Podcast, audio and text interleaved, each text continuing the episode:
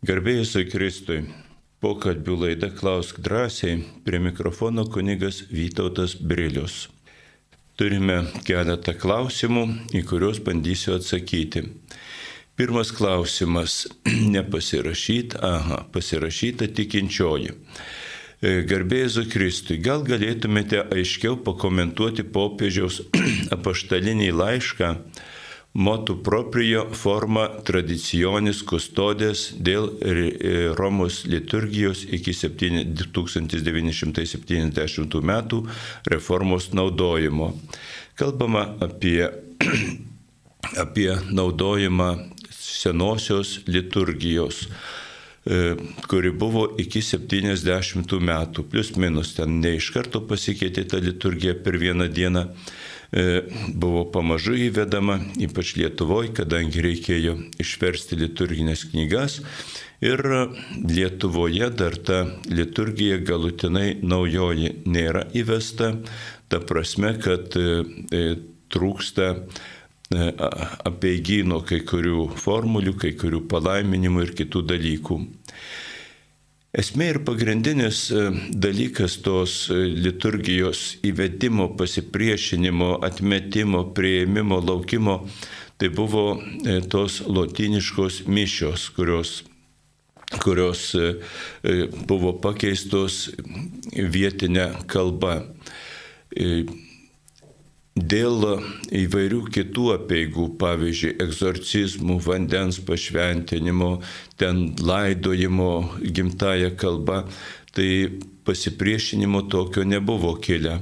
Tačiau dėl šventųjų mišių, kurios buvo brangios ir svarbios, buvo kilęs e, pasipriešinimas tam tikras tikinčiųjų, kurie norėjo pasilikti prie senųjų mišių. Jiems tos apėgos atrodė labai senoviškos ir brangios, galbūt dar ir dėl to, kad su ta, jeigu pavadintume formalę liturgiją, kuri buvo įvesta e, kuri buvo pakeista, buvo ir daugybė neformalių dalykų ten ir ir, ir šokių, ir dainų, ir, ir kitokių dalykų liturgijoje. Tuos dalykus taip pat bažnyčia koregavo ir, ir, ir nurodinėjo, tikslino e, įvairius dalykus.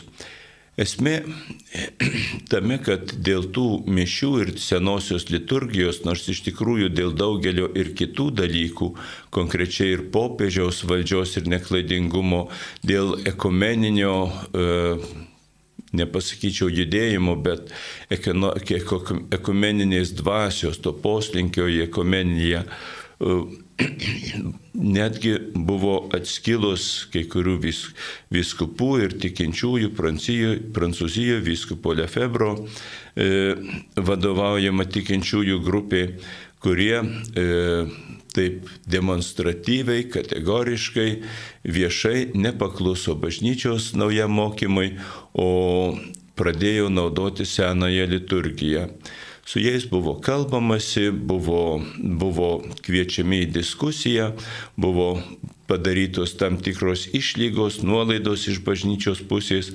Tačiau, kai vyskupas Lefebras nu, su savo grupe be popiežiaus palaiminimo pašventino naują vyskupą, tiksliau sakant, beros du naujus vyskupus, e, toji grupuotė buvo ekskomunikuota, tai pagal bažnytinę teisę.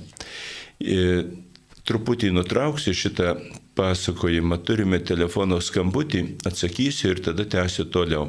Prašom. Danutė iš Vilniaus. Garbėjus ir Per amžius. E, e, mielas kunigėlį, mane kankina visą laiką tokia, nu, neramumas yra. Prieš keturis metus krikštijome anūką, proanūką, atsiprašau. Ir kada aš žinau, kada krikštyje ir žegnoja vardant Dievo tėvo ir sunaus ir šventosios dvasios. Amen nereikia sakyti. Mūsų kunigėlis pasakė amen. Ir aš dabar galvoju, ar čia krikštas neteisingas, ar čia ką, kas šitokį reiškia, kodėl pasakė. E Dabar šitaip, pirmiausia, pasakydamas, aš tave krikštiju vardant Dievo tėvo iš sunaus švenčiausios treibės vardu, kitaip kalbant, kunigas įvykdė visas apėgas, kurios yra krikšte. O šitas amen jau skaitosi po krikšto ir todėl krikštui įtakos neturi. E, ir nėra, nė, nėra kažkas tai neteisingo arba, arba nenaudotino bažnyčioje. Amen reiškia taip, tiesie, sutinku, e, prisijungiu, tokia yra plati šito trumpo žodžio prasme. Todėl ir pasakydamas, kad aš tave krikštiju vardant tėvų sunaus iš šventosios dvasios, dar pasako tiesie šitą žodį, kuris yra jau iš tikrųjų po paties krikšto sakramento, tai jokio čia e, nusikaltimo nėra, juo labiau nėra jokios abejonės dėl krikšto galiojimo. Būkite rami. Tiesiog apie liturginę reformą. Taigi, savo laiku vyskupas Lefebvras su savo grupė buvo ekskomunikuoti, tačiau su jais kartu nukentėjo tikintieji, kurie, e, kurie neprisidėjo prie tokių dalykų, kaip ten vyskupo pašventinimas teisėtai, neteisėtai, daugelis jų net nežinojo apie tokius dalykus, e, reikalavimus viskupų šventinimui. E, ir kad jie nebūtų nuskriausti, ekskomunikuoti, padarė, ekskomunikavo tos vyskupus, kurie nusikalto. Ir ir išliko tas poreikis senajai liturgijai, kurią žmonės mylėjo. Todėl popiežius Benediktas XVI išleido ir ne tik Benediktas, taip pat ir Jonas Paulius II buvo išleidęs eilę visokių patvarkymų, kurie buvo įforminti įvairiais raštais ir kurie leido naudoti tą senovinę liturgiją mišiuose.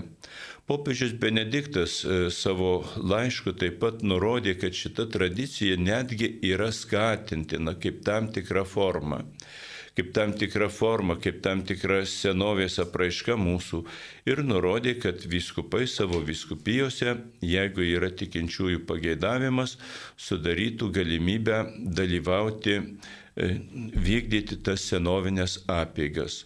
Nu, vyksta ir, ir Lietuvoje, beveik visose viskupijose tos apėgos, Kauno ir Vilnius tai tikrai. Susirenka tikinčiųjų, neipatingai daug, tačiau susirenka.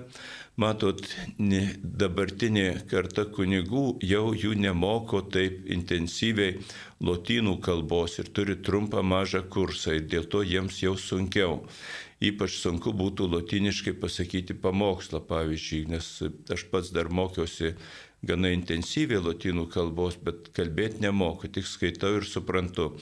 Taigi e, antras dalykas ir tikintieji vis mažiau, e, mažiau supranta lotyniškai ir tikintysis atėjęs į tas mišes, jis turi knygelę, pavyzdžiui, e, klauso, atsakinėja, bet girdi kažkokius žodžius, kurių iš tiesų nesupranta. Dėl to prarandama prasme ir ateinama į tam tikrą į tam tikrą tokį, nu, formalizmą, kada tarsi dėl kažkokių žodžių, o ne dėl minties, ne dėl vienybės, dialogo tikro su Dievu ateitų viešpaties malonė. Šiaip ar taip, popiežiaus laiškas e, tą senovinę liturgiją ne tik leidžia, bet ir nurodo, kad jinai būtų mielai vykdoma visose viskupijose. Nieko blogo ten su tuo nėra. Yra tik tai klausimas dėl pačios prasmės ir dėl naudos asmeniškai tikintiesiems, kurie tose mišiuose dalyvauja. Tiek į šitą klausimą. Kitas klausimas irgi be parašo. Toksai Kauno senamiestyje remont, remontui uždaroma ar jau uždaryta Vilniaus gatvė kokie patarimai į arkikatedrą baziliką ir kitas senamestėje esančias bažnyčias, o taip pat Marijo radijos studiją, einant pėsčiomis nuo buvusios prezidentūros. Nu, toks įdomus, linksmas klausimas, jeigu, jeigu e, šitas klausiantysis gyvena netoli Kauno prezidentūros, tai jis galbūt e, geriau žino už mane, aš jau seniai buvau kaunietis. Nuo Kauno prezidentūros atrodo galima eiti Gertrūdos gatve, jeigu Gertrūdos gatvė, ko gero būtų geriausias praėjimas. Na, nu, paskui pereiti per Birštono gatvę, aš nežinau, ar perėjo uždaryta požeminė ar ne, o jau perėjus Birštono gatvę, gatvė jau galima taip pat pasukti į kairę ir ieškoti paralelinių gatvelių. Ko gero gali tekti iki, e, kaip ten dabar vadinasi, Mindogo prospektas ar kaip. Žodžiu, paklauskite vietinių, jie tiksliai žinos. Tačiau visai Lietuvai tai gali būti labai svarbu. Kitas klausimas. Klausė Regina iš Kauno. Garbėzui Kristi, noriu paklausti, užsakius tėvų atminimui kryžių, meistras pasiūlė vietoje nukryžiuotojo išskaptuoti Dievo apvaizdos akį trikampyje. Ar tai krikščioniška? Pagarbiai Regina.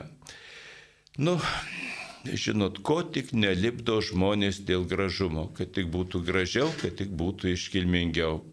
E, netgi galiu pasakyti, e, galiu pasakyti tokį anegdotišką, kaip ir patarimas skamba, sako, e, už atgailą kunigas uždavė pasimelsti į šventąjį Antaną, sukalbant penkis sveika Marija prie išstatyto švenčiausio sakramento.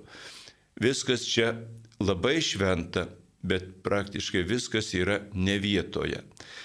E, kryžius yra išganimo ženklas. Ant kryžiaus nešvenčiausia trejybė e, e, ir ne Dievo apvaizda buvo nukryžiuota. Buvo nukryžiuotas Jėzus Kristus konkrečiai. Ir todėl kryžiaus esmė ir prasme yra Jėzus Kristus. Šiaip yra netgi tam tikra tendencija, tam tikra galbūt iš žmonių paslėptos baimės, kryžiaus baimės kančios. E, būna tenk tekę yra matyti, kad kryžius, o šalia kryžiaus, ne ant kryžiaus, kuris turėtų būti, bet šiek tiek į viršų ir pasitraukęs į šoną, jau yra prisikėlęs Kristus. Tarsi prisikėlimui nereikėtų mirties. Bijosi žmonės kryžiaus įvairiomis formomis ir įvairiomis formomis maskuoja tą kančią. Nežinau, ar tai būtų kažkoks prasižengimas tą kryžiaus, e, tą vaizdos akį ant kryžiaus iškalt. Manau, čia formalios nuodėmės kaip ir nebūtų. Būtų toks pats jovalas, kaip į Šventą Antaną pasimels prieš sakramentos sveika Marija sukalbant. Bet e, nuodėmės turbūt kažkokios nebūtų. Kad būtų skelbiamas netinkamas skelbimas, nes kryžius stovi kapinėse viešoje vietoje ir jisai skelbia tam tikrą žinią, o žinia jau būtų iškreip, iškreipta. Tas yra teisybė. Geriausia, geriausia būtų, kad ant kryžiaus būtų arba iškalta arba tiesiog pritvirtinta e, kitokiu būdu, būtent nukryžiuotojo Jėzaus figūrėlė. Kitas klausimas. Mhm. Jei vyras nutraukia lytinį aktą, ar tai abiems sutuoktiniams nuodėmi? Ačiū, Paulina. Na, klausimas iš tikrųjų nuodėmė ar nenuodėmė čia priklauso nuo įvairiausių dalykų. E, bažnyčia nereguliuoja, kaip turi vykti lygti lytinis aktas e, tarp sutuoktinių. Nėra ten nei liturginių, nei kažkokių kitokių nurodymų. Yra tik tai bažnyčios, e, kaip čia pasakyti, toks mokymas galbūt, ne, ne, ne tai, kad nurodymas, kad kad viskas, kas vyksta tarp sutuoktinių, jeigu nėra pažeminimo, nėra sukeliamas skausmas, nėra išnaudojimo, e, e, bažnyčia nesikeša, tik tai lytinis aktas turėtų, e, turėtų baigtis natūraliu būdu, reiškia nenutraukiant. Toks yra bažnyčios mokymas. Kalba čia turbūt eina apie, apie naujos gyvybės e, atvirumą naujai gyvybei. Vėlgi, nereikia žiūrėti tik tai į techniką, kur jau nuodėmė, o kur yra nenuodėmė. Ten galima prisišnekėti lygi kokiu tik nori dalykų. Reikia, kad šeima būtų atvira, atvira e, naujai gyvybei. Ir jeigu šeimoje jau yra vaikų, jeigu šeimoje e, yra norima, laukiama vaikų, galbūt dar ne šiandien, bet ateityje kada nors, tokiu būdu šeima gyvybei yra atvira. Jeigu kyla sąžinės problemų dėl to, kad vyras nutraukė lytinį aktą, galima pasižiūrėti į tokį dalyką. Ar jūs pati asmeniškai tam dalykui pritarėt ar, ar, ne, ar nepritarėt. Jeigu asmeniškai jūs nepritarėt šitam dalykui, tai net, net jeigu ir iš vyro pusės būtų kažkas padaryta kitaip, kam jūs nepritarėt, jums asmeniškai nuodėmės nebus. Kitas klausimas. Aha. Taip. Apsileidimas. Kas tai? Ar nevargina kažkokios tai fragmentai? Nu, galiu pa paaiškinti, kas yra apsileidimas. Apsileidimas e, griežta prasme tai yra konkrečių pareigų nevykdymas be rimtos priežasties, be pateisinamos priežasties, būtent dėl tingėjimo, apsileidimo, e, dėl kažkokiu tai tokių dalykų.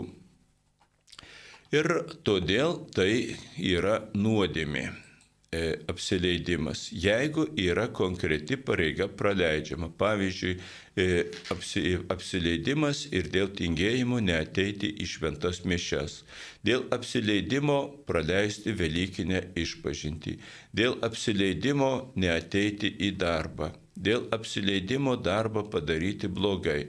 Galima vardinti, vardinti ir vardinti šitos dalykus. Šitie dalykai būtų nuodėmės. Tačiau nuodėmė, e, šitie dalykai būtų nuodėmės dar ir ta prasme, kad yra pareiga ir yra pareigos sulaužimas, kaip įstatymo sulaužimas. Tačiau mes turim dar vieną, dar vieną pareigą, kurią galima į dvi pareigas skirstyti - mylėti viešpati Dievą visą sielą, visą širdimi, visomis jėgomis e, ir visų protų, o savo artimą kaip save. Ir todėl e, žmogus, ypač suaugęs žmogus, jis, e, jo moralumas yra ne vien tuose dalykuose, kurių jis nepadarė arba e, neprivalė arba e, nenusižengė kažko bet jo nuodėmė ir atsakomybė moralinė už tai, kad jis kurtų gėrį. Ne išsisaugotų nusižengimo konkretaus, bet kurtų gėrį. Atsimenat Jėzaus Jėzaus palyginimą apie žmogų, kuris iškeliavo į tolimą kraštą ir savo tarnams paliko pinigų vienam tiek, kitam tiek, kitam tiek, o vienas, e, du tie žmonės e, pinigus leido į apyvartą ir iš jų atnešė pelną, o vienas tiesiog paslėpė ir nedarė su tais pinigais nieką nieko. Ir kai atėjo šeimininkas reikėjo gražinti, gražinos štai sako, atsimink, atsiimk, kas tavo. Aš tuos pinigus buvau užkasęs. Ir jis buvo supeiktas dėl savo ap apsileidimo. Jis nepavogė tų pinigų, sąžiningai atidavė. Tačiau jis ne, ne, neatliko kažkokio tai gėrio, jis nesukūrė nieko, o žmogui tai yra tam tikra nekonkreti nuodėmė, bet tai yra nuodėmė, tai yra blogis, jeigu žmogus nekuria gėrio, jeigu jis e, e, sustoja ties kažkuo, ką pasiekęs ir daugiau nieko nenori sukurti. E, dar galbūt šitam klausimui priklausytų kiti žodžiai, ar nevargina pikta dvasia. Čia aš supratau, jeigu ateina apsileidimas, tai pikta dvasia. Žinot, nereikia visų bėdų versti piktai dvasiai. Reikia kiek įmanoma atsakomybės prisijimti savo. Galbūt yra išorinių dalykų. Galbūt, galbūt ten gali būti ir kažkokio e, depresijos, kaip lygos požymio, kaip nuovargio požymio, išsiekimo požymio.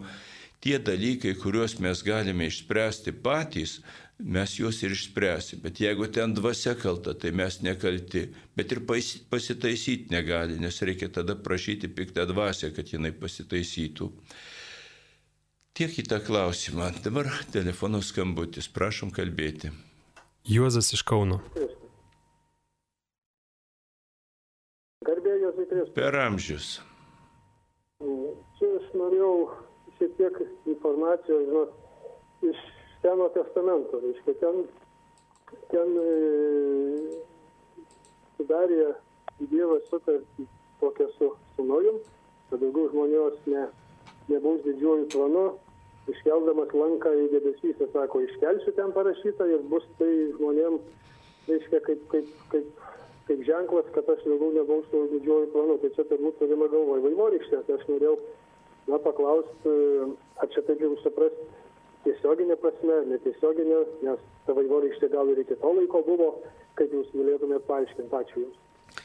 Esu įsitikinęs, kad vaivorykštė tikrai buvo ir lygi tol. Čia yra optikos dėsniai ir taip, e, taip e, buvo visą laiką. Šventasis raštas ir senasis ir naujasis testamentas turi įvairias prasmes. Turi istorinę kaip pasakyti, plotmę, lygmenį, kurio gali būti, kurio gali būti skaitomas ir svarstomas. Turi e, moralinę, e, moralinį lygmenį, kuriuo svarstomas gali būti, ir turi teologinį lygmenį. E, tai yra ta prasme, kiek atskleidžia mums tiesos apie Dievą, jo veikimą, jo prigimtį, apie žmogų, jo prigimtį ir veikimą, apie visuomenės prigimtį veikimą, taip pat apie moralę.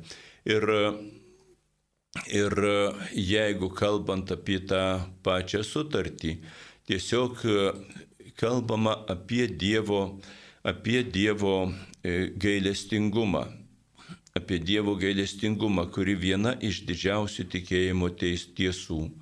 Dievas nubaudė žmonės, vėlgi. Vėlgi, e, Dievas negaudo nusidėjėlių ir tas e, nubaudimas, tas tvanas, toji nelaimė, kuri atsitiko, jinai galbūt tiesiog pagal gamtos dėsnius būtų atsitikus ir taip. Tačiau Dievas parodė stebuklą ir surado tuos žmonės, kurie jam brangus, jam vertingi, kurie eina jo keliu ir juos išgelbėjo. Jeigu Dievas jų būtų nesuradę, tai Nojus su savo giminė irgi būtų pražuvę. Taigi čia kalba apie tai, kad e, jeigu nori gyventi, jeigu nori gauti malonių, būk reikalingas Dievui. Gyvenk ir elkis taip, kad tu Dievui būtum svarbus ir reikalingas. Ir tada net ir kažkokioj e, nelaimėje ar kažkokioj grėsmė Dievas tave susiras ir išgelbės. Dievas tavo prašymus išgirs ir išklausys, nes tu prašai to, kas, kas e, e, kas pačiam Dievui yra reikalinga, ko jis nori. E, Vaivorykštės tas juostos iškelimas į dangų kaip ženklo, kad Dievas daugiau niekada žmonijos nesunaikins tvanu, būtent vandeniu, e, yra vėlgi Dievo gailestingumo ženklas, kad Dievas pasigaili ir leidžia gyventi. Ir parodęs, kad bausmė ateina už nuodėmės, Jis tos bausmės kiekvieną kartą netaiko ir žmonių nenaikina.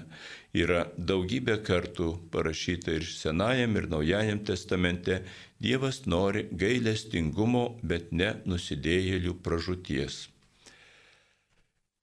Klausimas iš elektroninio pašto. Ar tikėjimas ir protas kaip gyva tiesa gali egzistuoti kartu? Natalija klausia. E, tikėjimas ir protas gali egzistuoti kartu, tikrai gali. Šitie žodžiai kaip gyva tiesa, ar galima jais gyventi, turbūt gal šitaip reikėtų suprasti.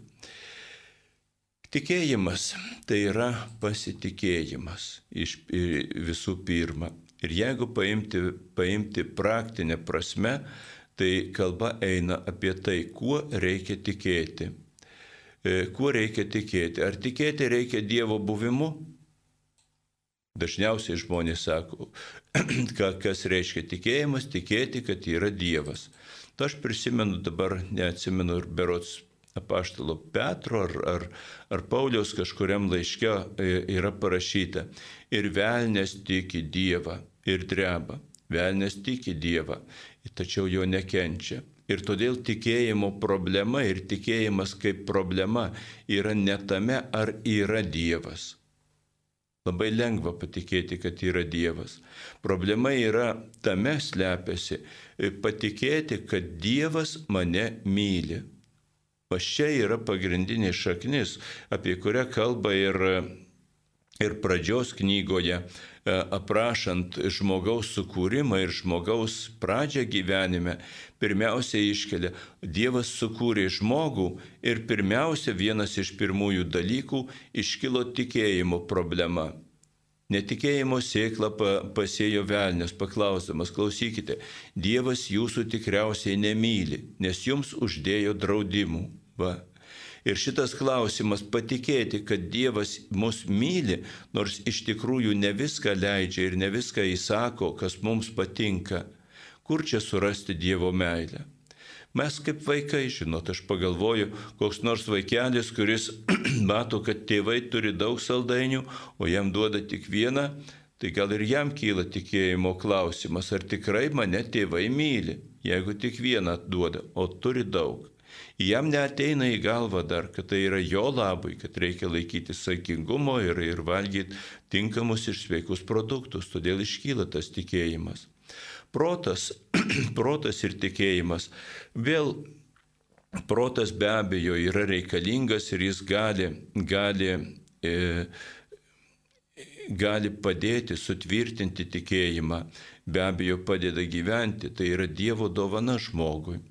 Tačiau jeigu paėmus dabartinę prasme tai, kas yra e, laikoma mokslu, būtent mokslas yra grindžiamas eksperimentais, tuo, ką galima įrodyti, sukurti eksperimentą, tai šitų klausimų labai gražiai paaiškino e, popiežius e, emeritas e, Benediktas XVI dar prieš savo papožiavimą labai seniai parašė knygą apie tikėjimą ir jis rašo, jeigu pasikliaujam tik tai eksperimentiniais, metodiniais e, matematiniais metodais nustatyti, kas yra tiesa. Tai tiesa būtų yra tai, kas įrodyma eksperimentu.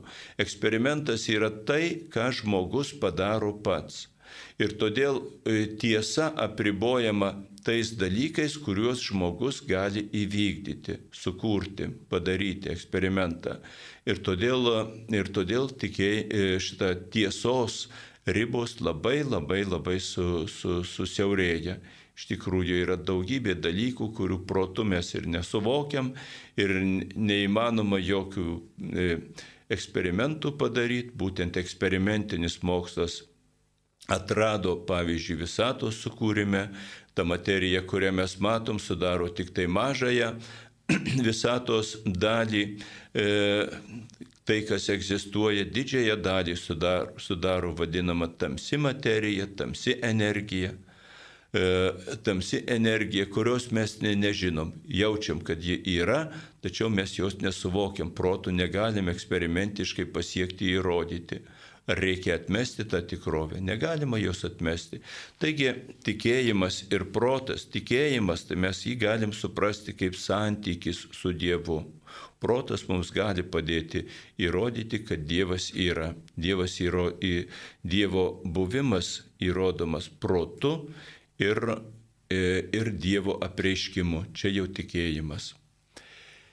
Kitas klausimas.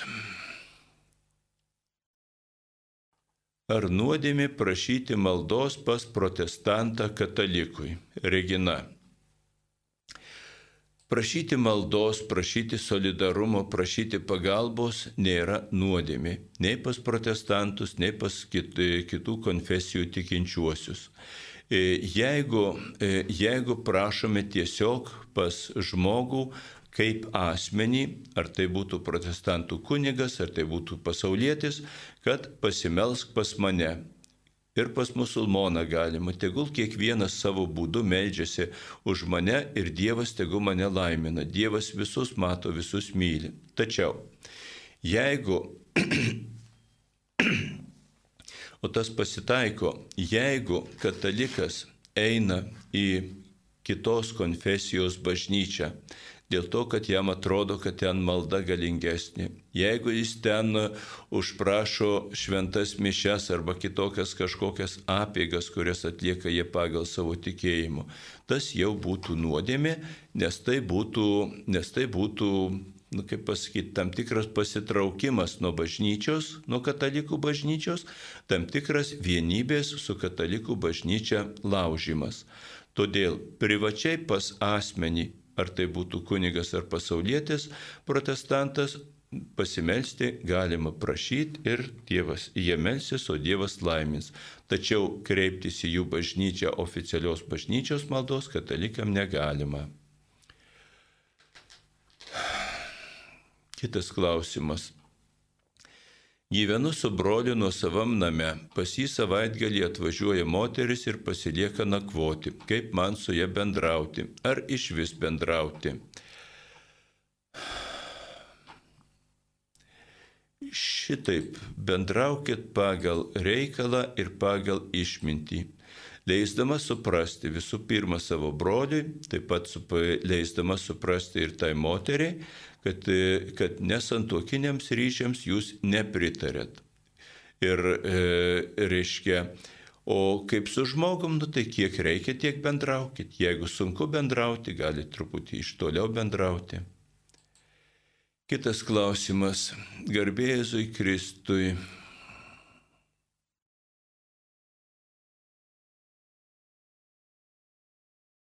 Čia žmogui gal sunkiai sekėsi parašyti klausimą, kiek supratau, ar Vilniuje yra ir Kaune yra rytų virtuvė. Kažką čia turime minti, galbūt tuos e, kristaištiškas ar, ar, ar, ar kitas e, apieiginės visokias virtuves, visokius uh, valgių gaminamus, ten atrodo kažkokias mandalas daro iš maisto taip pat irgi ten E, suteikia jėgų ir taip toliau. Nežinau, ar yra, o, o, o, o ar katalikui tų specifinių tokių e, virtuvių iš tiesų reikia, ar jos reikalingos. Aš nežinau. Vilniuje lyg tai kažkas ten gamina kažką pagal tuos apėgas ir tradicijas, o, o Kaune nežinau. Jėzaus ir Marijos vardo paminėjimas. Toks trumpas klausimas ir su klaidom parašytas, nieko tokio.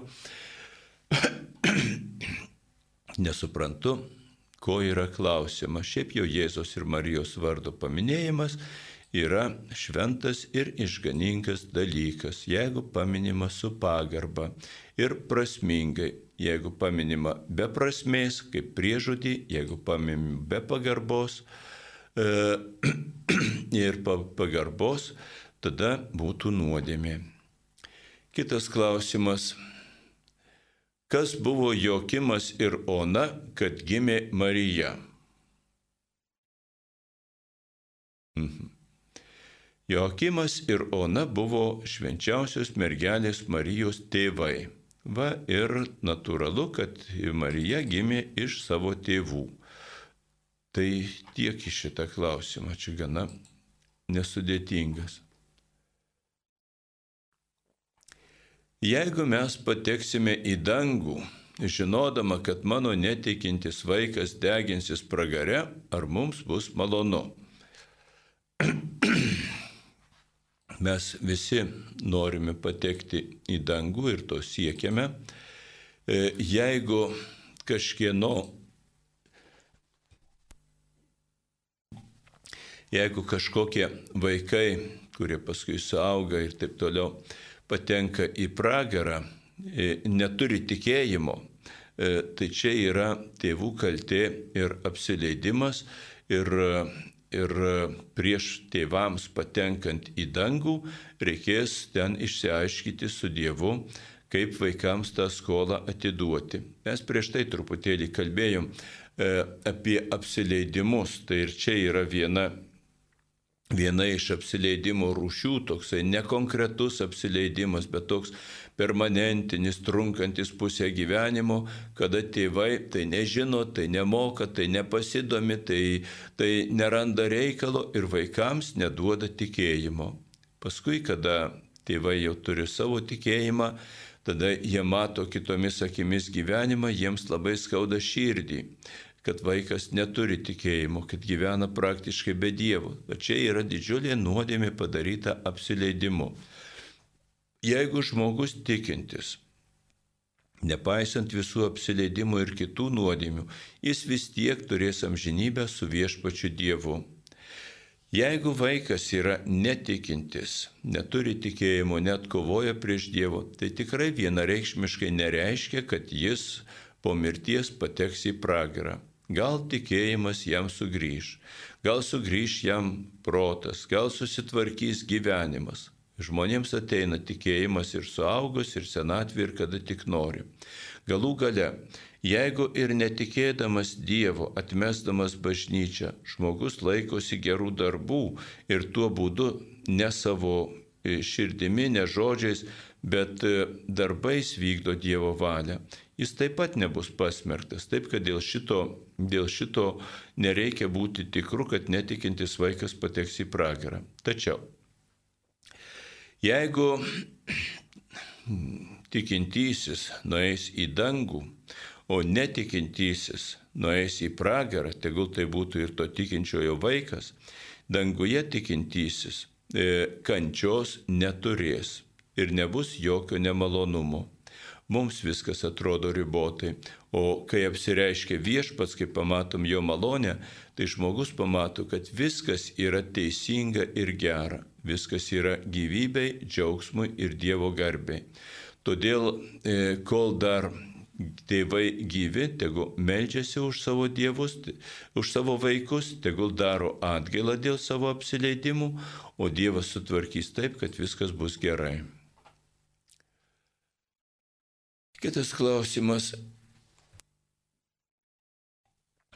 Ar visi žmonės gyvenantys turbūt e, prieš Jėzaus nukryžiavimą patekdavo į pragarą? Turbūt e, turima minti gyvenusieji prieš Jėzaus nukryžiavimą. E, tikrai ne visi.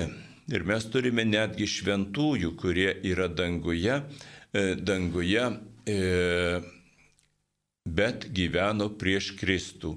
Tai e, Abraomas, Izaokas, Jokūbas, Adomas, Jėva, Nojus, Juozapas, e, tas, kuris e, buvo parduotas į Egiptą, Mozė, Aaronas ir daugybė, daugybė kitų bažnyčia pripažįsta kaip šventuosius, kurie yra danguje. Taigi į pragarą patekdavo tik tai tie, kurie kaip ir po Kristaus ateimo buvo pragaro vaikai ir visa širdimi apsisprendė už blogį.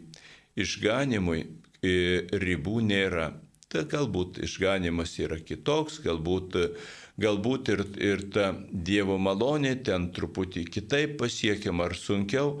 Žinot, e, prieš nereikia nei, nei e, tūkstančio metų, prieš keliasdešimt metų gyvenimas buvo kitoks vienas senas žmogus, kažkada tarp kitko seniai, apie 80 kažkėlintus metus, aš pastebi, išgirdau tą jo pasakymą, nusistebėjau. Sako, dabar kažkaip nelabai matyt, kad darbininkas, dirbdamas fizinį darbą, prie statybų, prie plentų ar kažkur, kad jis būtų suprakaitavęs nuo darbo.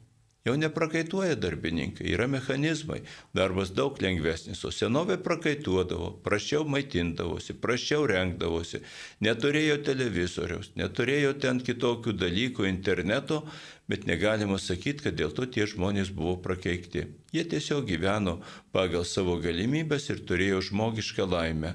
Ir prieš Kristų žmonės taip pat turėjo ir tikėjimą, turėjo galimybę gerus darbus daryti ir pasiekdavo Dievą. Tik tai kitaip, tik tai, tik tai sunkiau galbūt ir panašiai.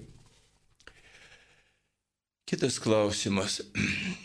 Ar tas, kuris mus myli, sukūrė pragarą, blogį, turi vaikus ar ne, yra vyriškos lyties ar ne, gali klysti ar ne, ar žinoti, ar gali turbūt žinoti apie mus viską į priekį. Ačiū.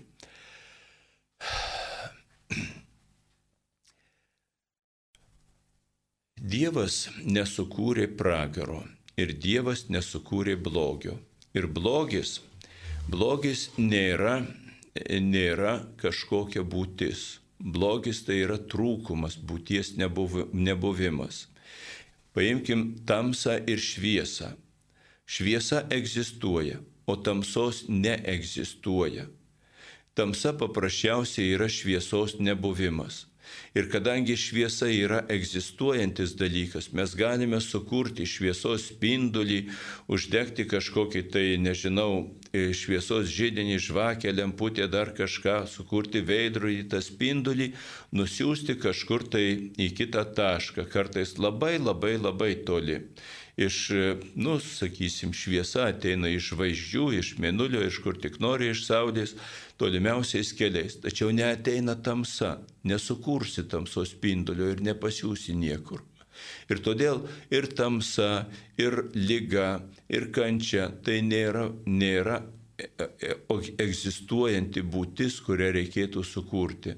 Tas, kuris atsisako gyvybės, jis pasirenka mirtį. Tas, kuris atsisako laimės, jis pasirenka pragarą. Ir, ir tiesiog ta, ta, ta, ta galbūt e, būsena, anksčiau sakydavo, vieta kažkur kažkaip yra kažkokiu būdu atskirta. Mes, tarp kitko, ne tik tai fiziškai daiktus galime atskirti ir, ir padėti duoną į vieną vietą, o, sakysim, daržovės į kitą vietą. Mes galime dvasinę prasme atskirti įvairiausius dalykus, pavyzdžiui, atsiriboti nuo blogų minčių, atsiriboti nuo blogų kažkokių jausmų ir panašiai, kovoti su jais. Taigi kažkokiu būdu atskirti visi tie blogieji, jie ir sukuria pragarą ten vieni kitų, e, kitų reiškia vieni kitų nekenčia. Nu, čia toliau reiškia toks klausimas, čia turbūt ar tas, kuris sukūrė, turi vaikus ar ne. E, Dievas yra švenčiausiojo trejybė - tėvas, sūnus ir šventoji dvasia. Todėl tam tikrą prasme galima turbūt, turbūt greičiau juoko formai pasakyti, kad tėvas turi savo, savo vaiką, savo sūnų. Dievas turi vaikus, visi mes esame Dievo vaikai ir Dievas mums prisistato tėvu, todėl dvasinė, teologinė prasme e, turi vaikus. Lyties Dievas neturi. Klysti negali ir žino absoliučiai viską. Mes e, dėl žinojimo, pirmiausia galbūt e, dėl e, klaidų, ir e, Dievo lyties. Dievas yra absoliuti pilnatvė, absoliutus buvimas. Ir Dieve yra viskas, kas tik yra ir kas tik tai gali būti. Ir jeigu mes žmogiškame, žmogišką prasme paimtume taip, kad Dievas turi, nu, sakysim, vyrišką lytį arba moterišką lytį kažkuria, tai tada jis neturėtų antros lyties o tas jau neišeitų kalbant apie Dievą. E, lytiškumas yra mūsų, mūsų reiškiasi, žmogiška, žemiška realybė e, ir todėl Dievui nepriklauso šitie dalykai, jis yra virš lyties. Taip pat Dievas žino viską, e, kas yra, buvo ir bus.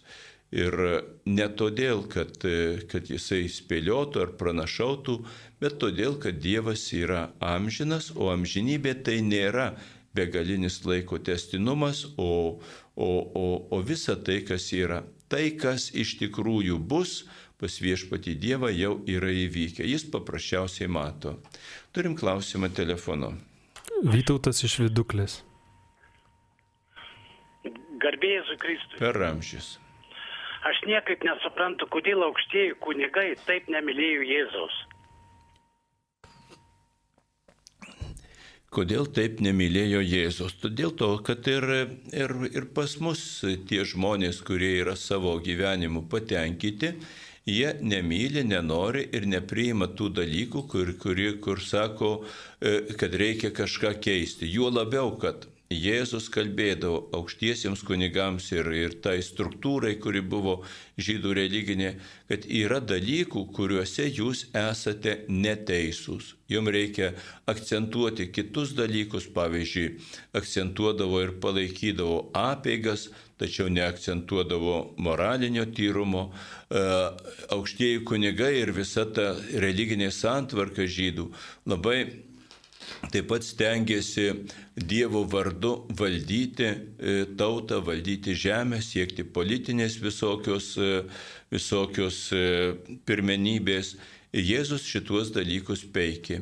O, o jie, aukštieji kunigai, jie tiesiog matė, kad Jėzus greuna tą religinę santvarką, iš tiesų jis ir greuna. Lygiai taip kaip ir mūsų bažnyčioje tą formal, tuos formulamus kai kuriuos, kai kuriuos bandymus e, apieigomis pakeisti krikščionišką gyvenimą ir įvairiausius dalykus. Mūsų bažnyčioje yra tokių dalykų. Viešpats juos mato kaip trūkumus ir kovoja. Ir dėl to bažnyčioje taip pat buvo ir reformų, ir pasikeitimų, kadangi žmogus labai viską sudaiktina. O kada atsiranda pasikeitimų, vieni gina seną tvarką, o kiti e, ieško naujos tvarkos. Tai vad, kadangi e, tie aukštieji kunigai atstovavo ir gynė tą senąją religinę tvarką, o Jėzus skelbė naują, tai, e, tai e, jie Jėzaus ir nekentė dėl to. O nužudė ne dėl asmeninės tikriausiai neapykantos, bet todėl, kad jie buvo įsitikinę, jog Jėzus sugriaus tą esamą religinę santvarką, už kurią jie atsakingi. Klausimas internetu.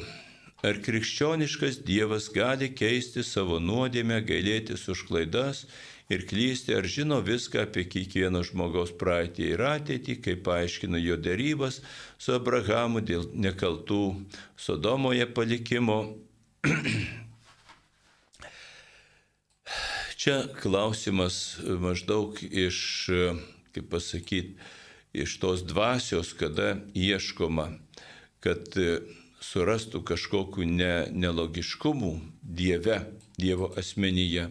Ir tada arba nereikėtų iš viso tikėti, arba nereikėtų Dievo mylėti, arba nereikėtų Dievui įsipareigoti ir panašiai ir panašiai. Dievas yra vienas. E, Dievas yra vienas, o mes krikščionys jį pažįstame taip, kaip mums apreiškė viešpats Jėzus Kristus, kartu pasilaikydami, pasilaikydami taip pat ir viso apreiškimo, kurį Dievas apreiškė apie save žydų tautoje iki krikščionybės. Taip pat pasilaikydami e, ir pripažindami, priimdami galbūt mokymą, iš senovės graikų ir iš kitų įvairiausių civilizacijų, kultūrų ir mokslų, kuris yra sutinkamas su viešpaties buvimu ir, ir sutinkamas su Dievo samprata. Todėl pati formuluotė krikščioniškas Dievas yra neteisinga. Yra tiesiog Dievas, o mes krikščionys jį pažįstam ne, tik tai protu, bet ir apreiškimu. Ir per Mozės, galima sakyti, įstatymą, ir per Kristaus įstatymą.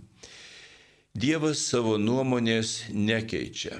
Klaidų, dėl klaidų nesigaili, nes jis viską žino ir todėl, ir todėl negali keisti nuomonės, jis negali klysti ir niekuomet neklysta, todėl jam nereikia gailėtis už klaidas.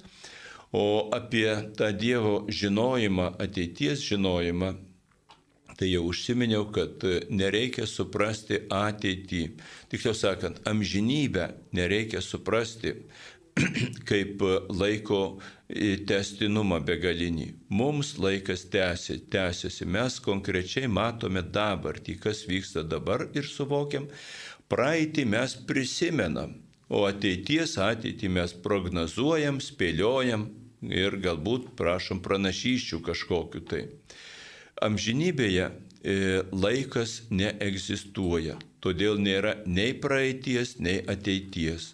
Visa, kas yra, kas realiai kažkada atsitiks galbūt ateityje, e, amžinybėje jau egzistuoja. Tik mes dar šito nematom.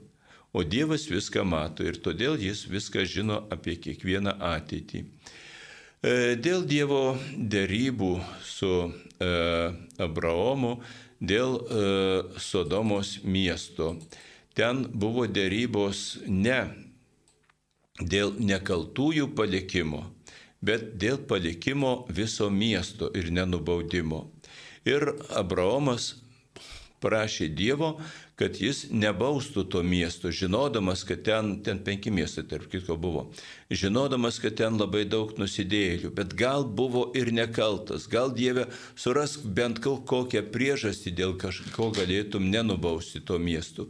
Ir Dievas sutiko su Abraomu ir pasakė, jeigu ten būtų 50, jeigu būtų taip toliau, taip toliau, jeigu 10 būtų ir šitas Dievas būtų dovanojęs tą bausmę.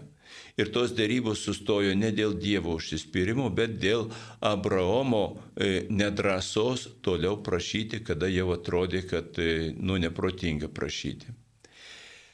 Klausimas telefonu, prašom. Adėlė iš Panevežio.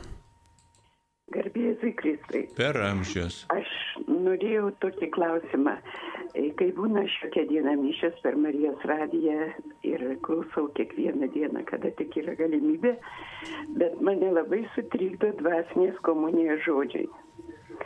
Mums Dievas paliko Kristus prieš mirtį, čia yra mano kūnas, čia yra mano kraujas ir, ir kažkaip taip įsijauti, priimi kūną, kraują, žinai, kad atėjo Kristus pas tave ir staiga malda.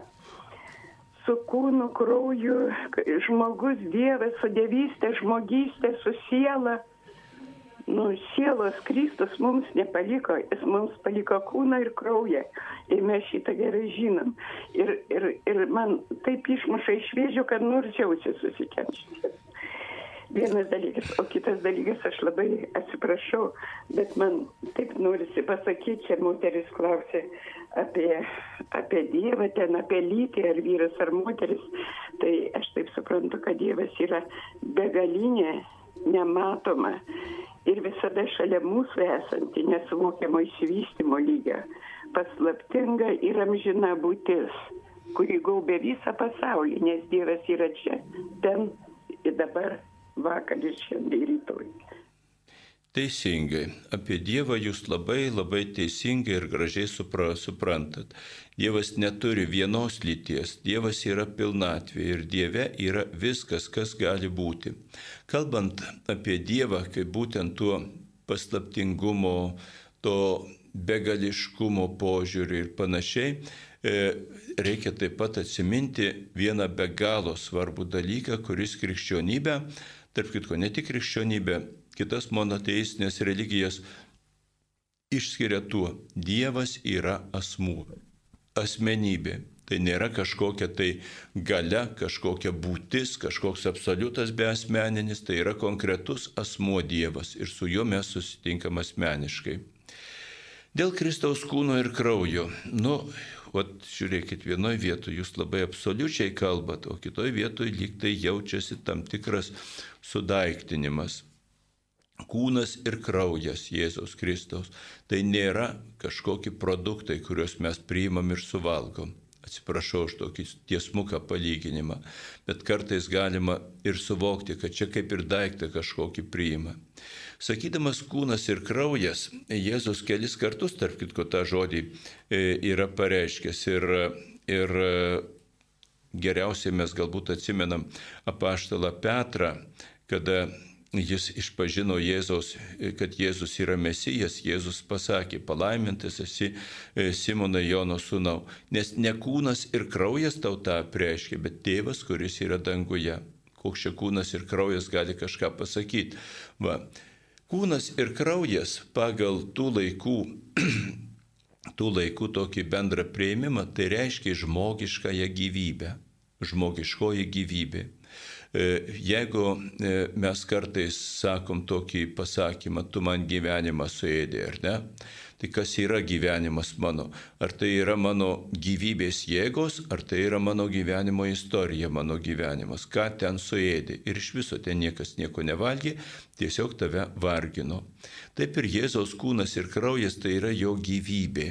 Ir mes e, ne kažkokį tai maistą gaunam tą maisto prasme, kad ten vitaminai visokie ir kita. Mes priimam Kristaus gyvybę. Reiškia,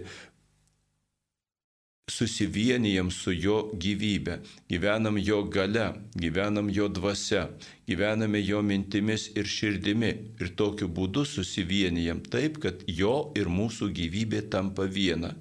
Ir tas e, e, mano kūnas ir mano kraujas kalba, kad Jėzus atiduoda savo gyvybę, bet visai ne, neragina užsiimti kažkokią žmogėdrystę. Va. Ir sako, tai darykite mano atminimui, reiškia priimdami švenčiausią sakramentą, maitindamiesi mano kūnu ir krauju, jūs taip pat, e, jūs taip pat dalinkite savo gyvybę tai darykite mano atminimui. Ir tokiu būdu toji komunija mus labai pilnai ir plačiai suvienyje su viešpačiu Jėzumi. Dar vienas klausimas telefonu. Liucija iš Vilniaus. Garbėjas Kristus. Per amžius. Labai norėčiau paprašyti, paaiškinkit konkrečiai pavyzdžiais, kaip, sakoma, melskime širdinė, kaip tai konkrečiai pavyzdžiais galit. Labai ačiū. Melstis širdimi. Išskirčiau du dalykus. Melstis širdimi, tai pirmiausia, aš suprasčiau, e, kad savo jausmus, savo širdies troškimus suvienyti su tais žodžiais, kuriuos mes kalbame savo maldoje tai būtų širdies maldoje. Tokiu būdu mūsų malda iš tikrųjų tampa labai nuoširdi ir tikra. Tai būtų viena prasme melsis širdimi, o kita prasme melsis širdimi tai palaikyti tokią maldos nuotaiką ir palaikyti savo gyvenimo atitikimą su malda, kurias mes kalbame, savo troškimus, savo tikslus, savo prašymus vienyti su viešpačiu Dievu. Jeigu kalbam apie prašymus, tai mes kažką Dievo prašome ir pasižiūrom, ar Dievui patinka tas dalykas, e, kurio aš prašau, ar pats Dievas to nori, ko aš prašau. Tai ir būtų malda širdimi. Taip pat ir pamaldumas būtų toksai. Kągi, prašnekėjom beveik valandą, atėjo laikas padaryti pertraukėlę.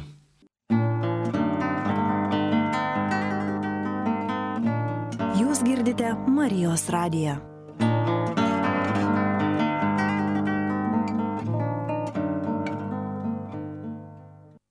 Dar kartą sveikinu visus Marijos radio klausytojus, prie mikrofono kunigas Vytautas Brilius. Toliau atsakinėjame į jūsų klausimus. Elektroniniu paštu matau atėjo visa eilė klausimų, čia jau visai nemažai. Truputį paskaičiau tokie pikti, provokuojantis ir priešiški mūsų katalikų bažnyčiai, minčiai ir panašiai. Iš tuos klausimus neatsakinėsiu, kadangi turime pakankamai tikinčiųjų klausimų. Tačiau labai džiugu, kad net ir tokie žmonės, kurie nelabai jaučia meilę bažnyčiai, vis tiek klausosi Marijos radijo. Klausykitės ir toliau ir tikrai Dievas prisibels į jūsų širdį ir įgysite tikėjimą. Dabar turime klausimą telefonu. Prašome. Antanas iš Kretingos. Galiu Jėzui Kristui. Per amžius. Aš noriu užduoti tokį klausimą. Kodėl tie, kurie nesiskiepė, pyksta ant tų, kurie skiepijasi? Kaip tai suprasti?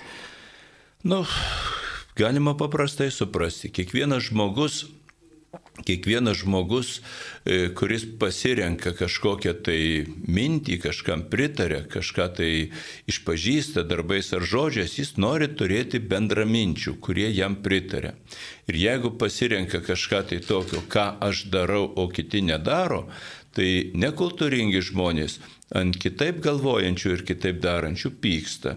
O kultūringi bando be piktumo susitarti, išsiaiškyti savo tiesą, išdėstyti. Taip, kad tiesiog taip gyvenime yra.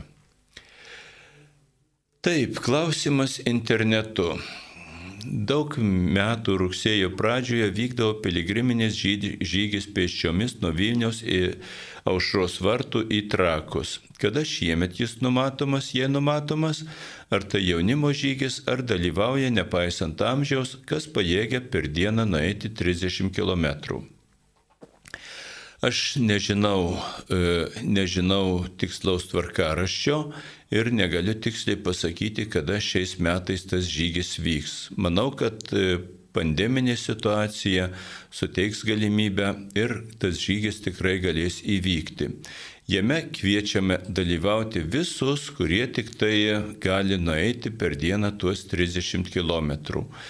Ten yra ir tam tikrų palengvinimų, važiuoja autobusiukas, važiuoja medicinė pagalba ir jeigu kažkas ir ne visiškai tikras savo jėgomis, tikrai nebus numestas ir paliktas šalikeliai. Todėl kviečiame visus laukti rugsėjo. Na ir šalia kitko, sekite Marijos radiją, bus tikrai skelbiama ir žmonės kviečiami. Kitas klausimas. Ar ne per daug drąsiai teigiate, e, lyg žinas Dievas, tą dievą, Dievas aną, lyg žinotumėte, o netikėtumėte kaip agnostikas ir taip toliau.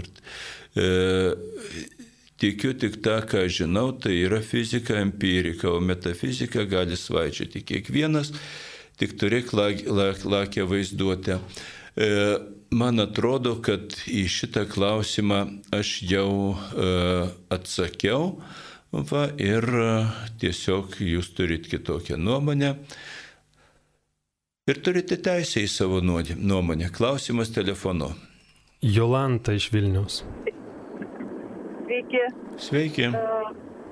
Esu tikintis, esu labai ir mąstau apie Dievą ir bendrauju su juo man tik tai klausimas toks, kodėl Dievas mus myli tokius mažus ir, ir sukūręs mus tokius mažus, lyginant su visa visata. Nes kaip pažiūri filmus ir, ir, ir tos nu, dokumentinius apie mūsų vietą visoje visatoje, mes esam antiek mažyčiai, tokie uh, mikroskopiniai, kad vat, man tas Dievo didybė ir meilė ir mūsų tas toks mažumas visoje visatoje kodėl jis mūsų sukūrė ir ką mes reikalingi, kad man šitas klausimas kyla. Taip, labai geras klausimas, reiškia, Dievas sukūrė visą visatą, jis yra begalinis, jis be galo turtingas. Kodėl sukūrė? Atsakymas mūsų bažnyčioje yra priimtas toks, kad Dievas norėjo pasidalinti savo būties ir meilės ir savo džiaugsmo turtais. Dėl to, kad jis galėtų sukurti savarankiškas būtybės. Pasaulį sukūrė kaip, kaip e, e tokį e, besivystantį, kaip tokį e, augantį pasaulį, kuris auga įvairiausiamis prasmėmis. Mes matome, kaip žmonėje auga savo pažinimu, supratimu, įvairiomis galimybėmis ir panašiai ir panašiai mūsų tikėjimas auga. Ir Dievas, kad galėtų pasidalinti visu tuo, ta visa savo dinamika, to savo meilė ir malonė sukūrė viską. O kodėl mus mažus myli? E, pats klausimas truputį yra neteisingas. Meiliai nereikia priežasties. Kada žmogus įsimylė kažką, tai jis įsimylė ne, ne už kažkokius dalykus, tarsi tai būtų kažkoks sandoris, bet tiesiog, kad atpažįsta ten asmenį, atpažįsta vienintelę būtybę ir galbūt jeigu tą Kodėl iš vis dėlto bandyti atsakyti? Todėl, kad nėra vienodo žmogaus vienodų žmonių, nėra vienodų gyvūnų, nors jie mums atrodo ir vienodi, tiksliai pagal savo organus, pagal visą kitą, bet kiekvienas yra atskiras ir būtent dėl tos individualybės, dėl to nepakartojamumo susikuria nuostabus grožis, o Dievas, būdamas begalinis, pajėgia mus visus mylėti ir kas labai svarbu įdomu, kiekvieną myli asmeniškai. Ir aišku, Dievas džiaugiasi, kad tas žmogus pastebi ir e, įvertina šituos dalykus. Klausimas internetu. Kaip padėti e, geriančiam vyrui? Nu, kaip jam padėti? Šiaip išsivaduoti iš priklausomybių yra labai sunkus dalykas ir pagal e, praktiką, kiek matome, tai padėti gali tik tai kiti žmonės savo buvimu kartu. Jeigu realiai konkrečiai kalbant, viena iš pačių veiksmingiausių būdų, kur realiai padeda ir daugelį padeda, tai tos vadinamos anoniminės grupės tos 12 žingsnių programos kaip taisyklė, kai kur būna kitokių nuo kitų priklausomybių. Taigi, jeigu žmogus pats nori išsivaduoti iš priklausomybės ir kreipiasi pagalbos, tai tose grupėse paprastai ir pasiseka. Dar viena istorija, e, nu, istorija vienas dėsningumas, kuris būna, kada mes skaitom, klausom žmonių, kurie buvo patekę į priklausomybę ir išsivadavo, visada rasim tą išeities tašką. Žmogus suvokia, kad jis jau pasiekė dugną. Ir kai suvokia, kad jau tikrai yra dugne, tik tai tada jis bando kilti. Kol jis dar nėra pasiekęs dugno, jis ir nenori išsivaduoti. Ir čia svarbu ir artimieji. Nes e, tas gerintis žmogus, priklausomas žmogus, jis bando savo meluoti ir kitiem melu, meluoti. Nieko čia tokio, gyvenimas nesugriautas. Aš dar turiu ir tą, ir tą, turiu viskas veikia ir panašiai, ir panašiai. O artimieji gana dažnai tą jo iliuziją palaiko ir neleidžia jam e, pastebėti, kad jis yra jau arti dugno. Jį visai ir, ir, ir gydo, ir gelbi, ir maskuoja, ir išsukinėja, ir panašiai, ir panašiai. Ir tada jis galvoja, čia nieko tokio. Nei aš kažkam kenkiu, nei ten, kam trukdo tas mano gerimas, viskas tvarkoj. Todėl e, norint išgelbėti šalia kitų dalykų, reikia neišsigasti, neišsigasti e, leisti pasiekti dugną, kad žmogus pats aiškiai pamatytų, kad jau tikrai yra blogai. Kitas klausimas. Ar galima tikėti visiems Biblijos teiginiams? Žemė plokščia, kitų planetų nėra, o savo tikėjimo jėga galima padaryti viską ir taip toliau. Natalija klausė. E, Biblija savo, e, nors turi visus bruožus ir kalba apie istoriją, kalba taip pat apie gamtinius reiškinius ir įvairiausius dalykus. Ir įvairiausius dalykus, tačiau Biblija nėra gamtos mokslų vadovėlis ir nėra istorijos traktatas pati pagrindinė Biblijos prasme tai yra teologinė knyga, knyga apie žmogaus išganimą, apie e, Dievo meilę žmogui ir žmogaus atsakymą į tą Dievo meilę. Todėl, e, todėl tie dalykai, kurie kalba apie gamtą, jos reiškinius ir taip toliau, mes galime e, su, priimti tiesiog e, kaip tų laikų supratimą. Kaip tu būtum galėjęs paaiškinti tų laikų žmonėms, e, kada tų laikų, aš nesakau Biblija, tų laikų visas mokslas aiškino, kad Žemė yra plokščia, o, o prie kieto dangaus tvirto skliauto yra pritvirtintos žvaigždės. Mokslas taip teigia. Ir nebuvo galima aiškiti kitaip tada. Ir žmonės būtų nesupratę ir būtų sakę, kad čia kažkokie bemokslai, fantazuotojai kažką tai aiškina. Dėl to, dėl to į šituos dalykus gamtinius tiesiog gamtos ir mokslų reikia mokytis ne iš Biblijos, o žiūrėti moralinių dalykų ir teologinių dalykų. Dėl tikėjimo jėga galime padaryti viską. E, tikėjimo jėga iš tikrųjų galima pasiekti viską. Tačiau Jėzus, e, Jėzus kalba, e, jeigu kalbėti apie Senojo testamento stebuklus, tai jie visi būdavo padaryti Dievo iniciatyvą. Žmogus net nedrįsta kažko prašyti, bet Dievas nurodo, prašyk štai šito ir šito ir tas įvyks. Tark kitko, jeigu šiandien skaitysite šios dienos skaitinius šventojo rašto, pirmajame skaitinyje yra parašyta, kaip Dievas pamaitino žmonės. Pranaš, pranašui atnešė duonos, beros 50 kepaliukų, jeigu neatsimenu. Čia pas mus Lietuvoje kepalas tai didelis dalykas. 50 bandelių, viena porcija tokia, nedidelė, nei maža. Va, ir nurodė pa, pamaitinti visus žmonės ir visi buvo pamaitinti, kadangi Dievas taip liepė, Dievas nurodė tą stebuklą. Jėzus Kristus pasakė, e, jau nurodė žmonėms savo iniciatyvą, prašykite ir gausite.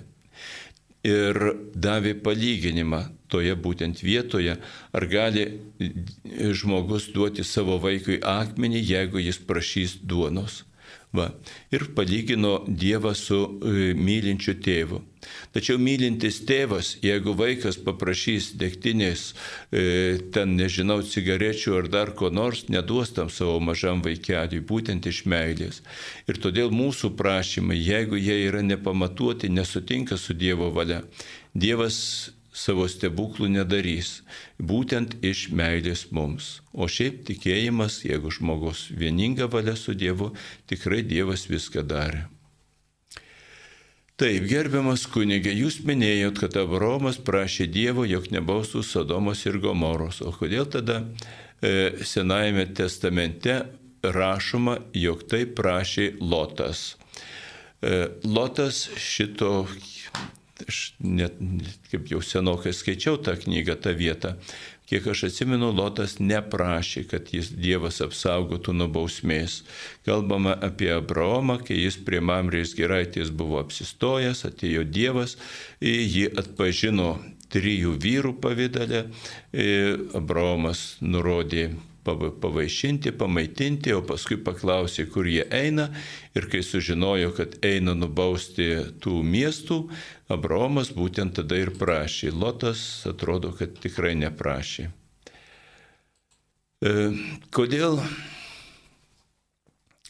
Biblijoje mūsų Dievas ne tik pats žudo Dievą žmonės, bet ir pats liepdavo juos žudyti labai dažnai, labai dažnai žmogus nemoka kitokiu būdu įvykdyti Dievo valios ir, ir, ir, ir vykdo ne tuo būdu, ne meilės būdu, bet visada sako, kad Dievas jam liepia.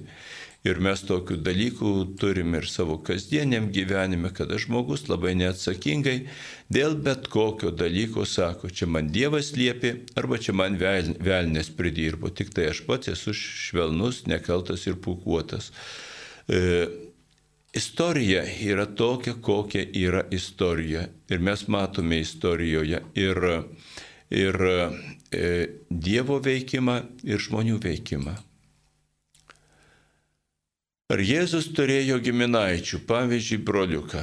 Jėzus turėjo giminių, turėjo savo motiną, kalbama apie brolius ir seseris, ar tai buvo tikri jo broliai ir seserys, šita, šito dalyko e, nėra parašyta Biblijoje e, ir todėl taip tiksliai atsakyti negalima.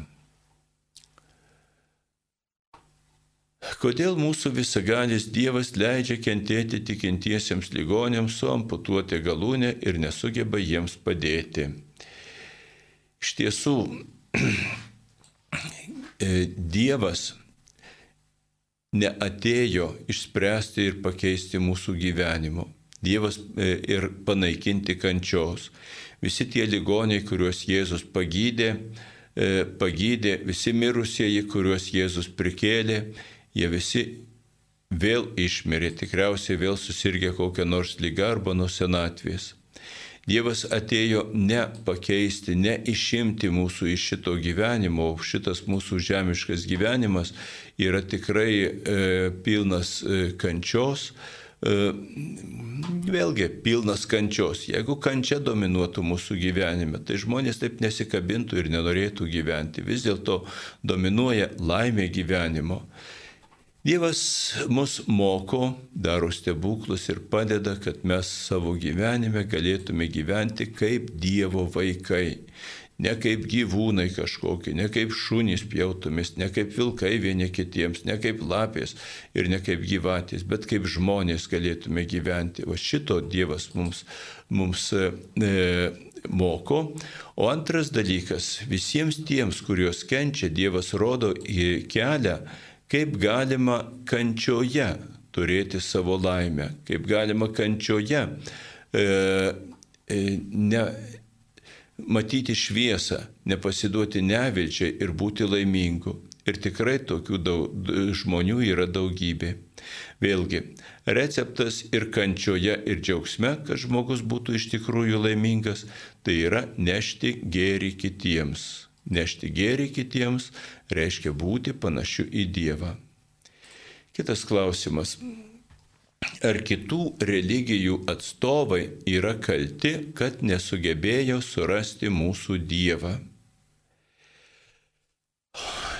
kalti yra tie, kurie neieško tiesos, tie, kurie randa tiesą, tokią tiesą, kaip, kaip jie turi, tie, kurie e, vėlgi suradus tiesą, neužtenka surasti tiesą, reikia turėti jėgų, reikia turėti e, pastovumo, kažkokio tvirtumo, kad tą tiesą apginti. O ta tiesa, žinot, e, ji ateina pas žmogų įvairiausiais keliais. Kažkodėl prisiminiau E, kai buvo protestantizmo reforma Lietuvoje. Tikėjimas buvo priklausė bažnyčiai, bažnyčios visos priklausė turtingiems ir kilmingiems, parapijos tada buvo nepajėgios tikintieji patys išsi, išsi, e, išsilaikyti savo bažnyčių ir atėjo tokie laikai, kada e, Lietuvos šviesuomenė, ne tik tai aukštuomenė ir turtinguomenė, bet ir šviesuomenė, nes tie turtingi ir buvo išsilavinę, priėmė protestantizmo tikėjimą. E, uždarė bažnyčias katalikams, išvijo katalikų kunigus, pakvietė protestantus Ir žmonėms pasakė, kad jau kitoks jūsų tikėjimas. Žmonės kentė, meldėsi, rodė kankinystės įvairiausias dėl savo tikėjimo, bet kadangi nebuvo kitos skelbimo, paėmė protestantišką tikėjimą. Po kelių kartų, po, po, po 60, po 100 metų, po, po kiek atėjo kiti turtingi, išvijo protestantų kunigus, pakvietė katalikų kunigus Ir žmonės tada jau turėjo kitą tikėjimą, vėl dėl kurio kentėjo ir mylėjo. Kaltas žmogus tada, kai neieško tiesos. Kaltas žmogus tada, kai suradęs tiesą, tiesą į, e, į, į jos nesilaiko, ją nepaklūsta. Bet jeigu, jeigu jam buvo pateikta kitokia tiesa ir be savo kalties jis ją turi, jis tikrai nėra asmeniškai kaltas. Turim klausimą telefonu. Stanislava iš Kauno. Per amžius. Norėjau pirmiausiai padėkoti Zarasų bažnyčios klebonui, kuris tikrai visada suranda laiko ne kad atiduoti maldininkam ar ten savanoriam, bet visada pats maldoje ir rožinio ir kryžiaus kelyje tikrai nuoširdus, nuoširdus jam ačiū. Antra noriu dėl to politinio, kuris tikrai neduoda ramybės mum, kurie turim ir, ir vaikų, ir anūkų, dėl šitokio jų tokio baisaus priverstino to jų norimo įstatymo įvesti. Kad man atrodo, gal reikėtų padaryti, kaip buvo kada padaryta čia jau senai Amerikoje, kad abortų klinika buvo ne skireliais, bet klinika buvo keli aukšti, kuri tūkstančius per dieną žudė. Ir kada rožančius buvo kalbamas prie klinikų, nežinau kiek ten parų buvo melžiamasi, ir ta klinika dingo.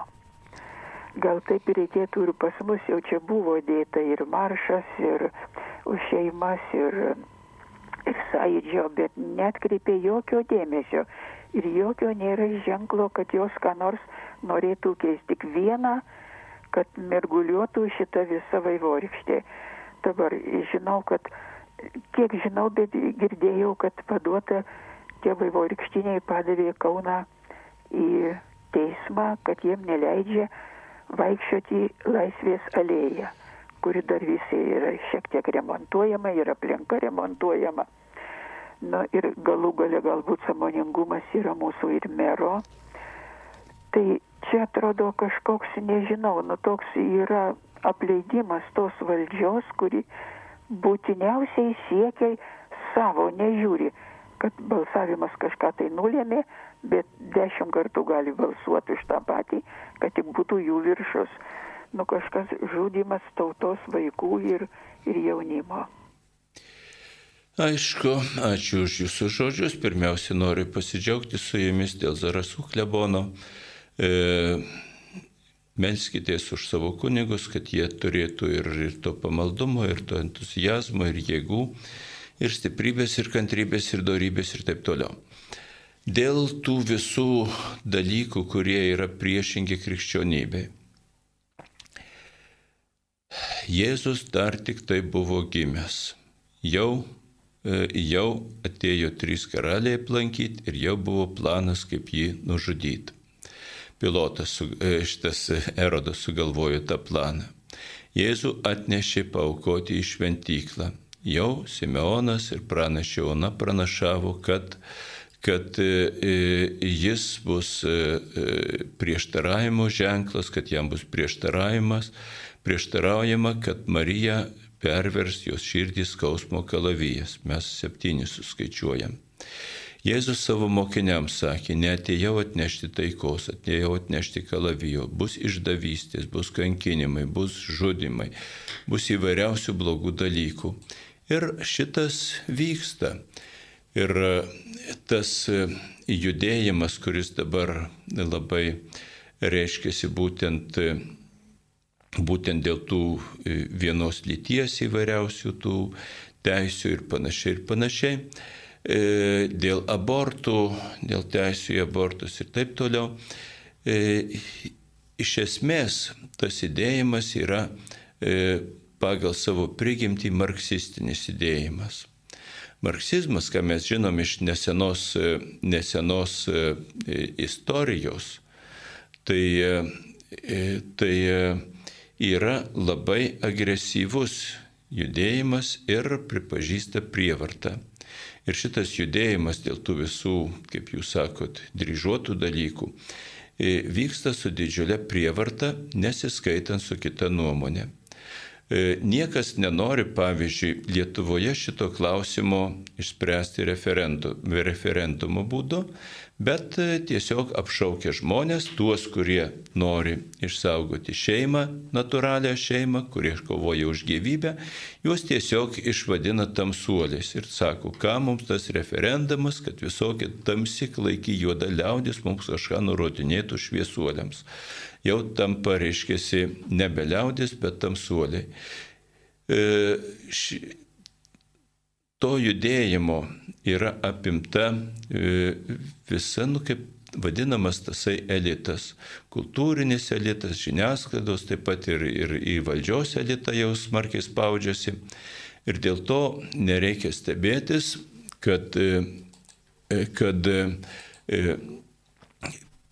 priešingos mintys už gyvybę, už šeimą, už krikščionišką sampratą, paprasčiausiai jos nepatenka į viešumą.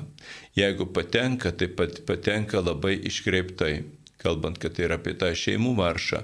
E, apie tą šeimų maršą ten įvairių dalykų yra, bet pagal tai, kaip jis yra nušviečiamas, aiškiai matosi, kad nušviečiamas tendencingai, net bijomasi pasakyti šeimų maršas, sako, vadinamas šeimų maršas, dar ką nors tokio. Esame krikščionys ir dėl to gyvensime persekiojimuose. Ačiū Dievui, mes jau ypač vyresnė karta, kurie išsaugojo tikėjimą, žino, kad ir persekiojimuose tikėjimą išsaugoti įmanoma. Bažnyčia kankinystės praėjo ir kankinys, kankinystės metu tikėjimą išsaugoti įmanoma.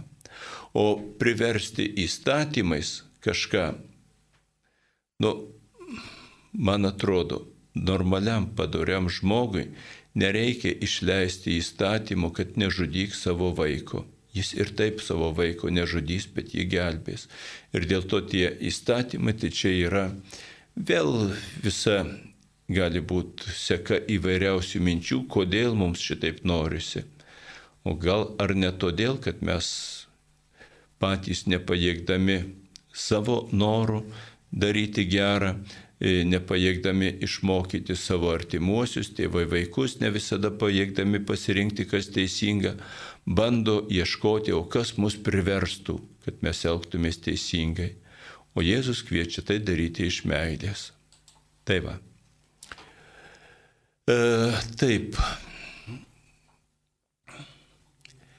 Kitas klausimas interneto garbėjai Zukristai. Norime sužinoti, kas buvo inicijatorius dėl Spirgevičių Elenos iškėlimo ant altoriaus. Dominikas su šeima. Jeigu taip normaliai bendrai, tai šitą iniciatyvą turėjo, turėjo priimti, patvirtinti Lietuvos viskupų konferencija. visi Lietuvos vyskupai. Kas iškėlė pirmąją mintį, kad būtent šitą žmogų, kad jie svarstytų šitą kandidatūrą. Šito dalyko nežinau, negaliu pasakyti vargu, ar ir kuris vyskupas galėtų pasakyti, nes būna viskas aplinkui tarsi kalbų lygiai, o paskui, reiškia, tampa oficialia iniciatyva. Kitas klausimas, noriu paklausti dėl mamos. Ji yra neregė, kasdien kalba gailestingumo vainikėlį. E, tai čia aš neradau klausimo, tai ir neatsakysiu. Kitas klausimas, garbėjai Kristui, bet ne visi, kurie pasiekia dugną, sugeba atsikelti ir tai liūdina, nors aplinkiniai daro viską, ką sugeba. Tikrai liūdina, tikrai liūdina ir aplinkiniai gerai daro ir toliau tegu daro viską, ką sugeba. E, ir duok Dievę, kad viskas būtų gerai. Turim klausimą telefonu. Antanina iš Vilniaus. Alio. Klausom aš tokiu klausimu. Aš čia gyvenu Vilniuje ir nu, arti bažnyčios nėra, bet yra, reiškia, rusų cerkvė. Tai aš kartais užeinu, ten visada būna šventinto vandens. Ir aš paimdu tą vandenį ir geriu. Tai ar čia, ten mat katalikų mūsų bažnyčiai, tai būna tik prieš Velykas šventintas vanduo. O, šitą, o čia visada yra. Tai ar čia yra, galima taip daryti ar ne? katalikų bažnyčioje nėra tradicijos gerti švestą vandenį. Šventuoju va, šventintų vandeniu yra šlakstoma, kokie nors daiktai, taip pat ir žmonės yra šlakstomi, bet jis nėra vartojamas gėrimui.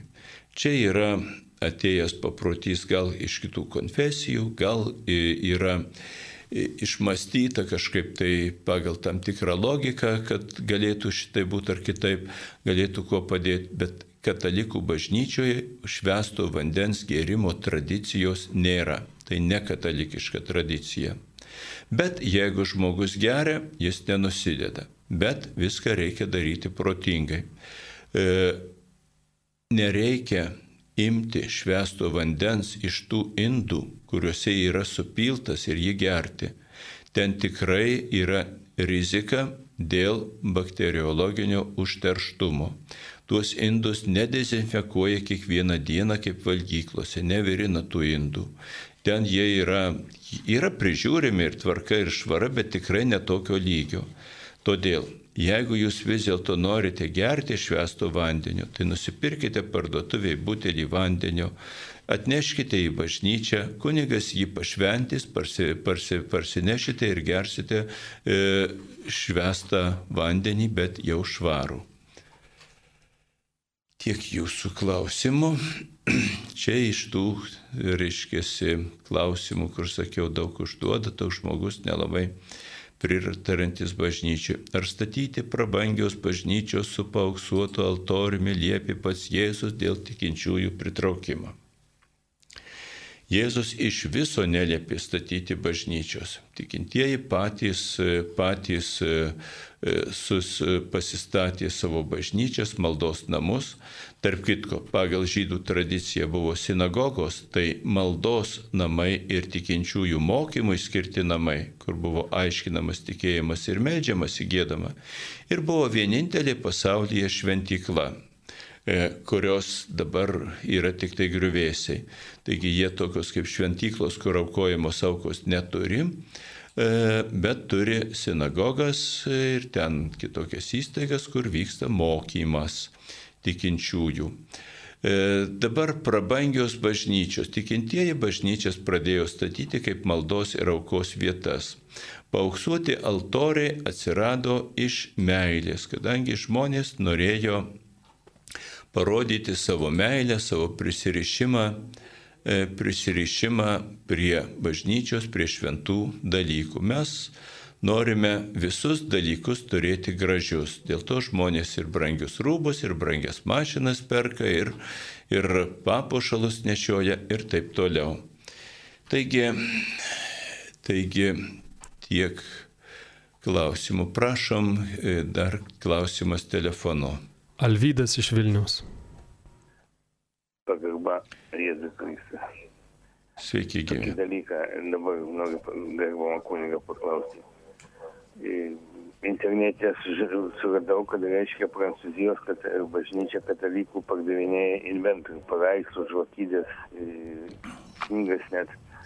Kaip čia, kaip suvokti man paprastam piliečiai? Ar čia jau bažnyčios degradavimas ir kapitulacija ekonominė, kaip suvokti? E, Taip, tai yra bažnyčios krizė. Bažnyčios krizė, kuri tarp kitko ne tik, ne tik e, Prancūzijoje, bet taip pat ir Amerikoje ir visur kitur e, tikintieji, e, tikintieji, e, tikintieji apleidžia bažnyčias, nebevaikšto ir todėl tos bažnyčios e, tuštėja. Jos lieka tuščios. Man pačiam teko matyti Italijoje, kur vienuolynai milžiniški pastatyti kompleksai, kur kažkada būdavo šimtai vienuolių, o šiuo metu tiek pašaukimų nėra ir tie vienuolynai stovi tušti. Ir vietos vyskupas, kurio teritorijoje tas vienuolynas, pakviečia ten kažkokias penkias, šešias seseles vienuolės, kad jos tik tai būtų ten, kad jos išlaikytų tą, tą tas tuos pastatus kažkaip moka vyskupas jiems ir visa kita. O jeigu bažnyčios uždaromos, o lieka, o lieka meno kūriniai, tie šventi paveikslai, šventi indai, šventi visi dalykai yra ne vien tik tai liturgijos dalykai. Ir tarp kitko, ne visi jie yra liturgijos dalykai. Tai yra ir meno vertybės. O kur juos dėti? Galima nežinau, investuoti papildomus, daly, e, papildomus e, lėšas, teikti kažkokias saugyklas ir saugotam žinai, tai kainuoja. O kokia prasme bažnyčia saugo tuos dalykus, kurie jau, jau nebėra kulto dalykas, o tik tai daiktas, kadangi jau nebetarnauja kultui. Ir todėl, kad jie neišnyktų, kad vis tiek būtų tarp, tarp žmonių, Juos galbūt ir, ir parduoda tas vertybės ir išsilaiko tos bažnyčios, kurių tikintieji galbūt jau ir nepajėgus būti išlaikyti. Pas mus irgi Lietuvoje statomos milžiniškos bažnyčios naujos, bet žinokit, liūdna būna, kada ateini ir ten tose tuštybėse pamatai vieną kitą žmogų, ypač šiokiadieniais. Va. Ir tie vienas kitas žmogus labai sunkiai gali išlaikyti bažnyčią. Jeigu taip ir toliau bus, tada jos iš viso bus klausimas kils dėl uždarimo. Turim kaimuose milžiniškas bažnyčias, kur parapijoje ten išlikę ten keletas šeimų, keletas senukų ir stovi didžiulį bažnyčią gotikinio stiliaus. Tai va, turime klausimą telefonu. Regina iš Vilnius. Gerbėjai Jėzui Kristui. Per amžius. Trumpą klausimėlį. Kuo skiriasi kunigas rezidentas ir kunigas vikaras? Ačiū. E, kunigas vikaras tai yra e, pats žodis vikarijus, reiškia padėjėjas, pavaduotojas. Tai yra e, kunigo klebono, kuris turi visą valdžią, kurią bažnyčia suteikia e, parapijos vadovui, turi klebonas. O vikaras pačia bažnyčios teisė turi taip pat įvairių galių, kurias turi klebonas. Tai yra nenuosava, bet kaip padėjėjo vikaro valia vykdydamas klebono valdžią, jis turi teisę administruoti santokas, krikštus ir dar kai kurios dalykus. Rezidentas jis parapijoje pagal pareigybę noriu pabrėžti, parapijoje pareigų šitų teisių galių jokių neturi. Rezidentas reiškia reziduojantis, būnantis parapijoje, jam ten suteikiama teisė vykdyti kai kurias pareigas, kai kurios pareigos jam užduodamos, bet pagrindė teisė aukoti šventasias mišes. Tačiau Praktiškai rezidentai vykdo e, įvairias pareigas ir parapijoje. Aš pats parapijoje taip pat ir e, laiminu santokas, ir laidoju, kada reikia, ir pas ligonį galiu nuvažiuoti, ir klausau išpažintis, e, man užrašomi būdėjimai parapijoje ir panašiai. Tačiau ne pagal pareigybę kaip rezidento, bet, e, bet e, jau paties klebono prašymu ir jo suteiktų leidimu. Taigi rezidentas pagal teisę galių neturi, bet gali būti įgaliotas, o vikaras jau pagal pačią teisę turi parapijo tam tikras galias. Turime klausimą telefonu. Vladė iš Skuodo.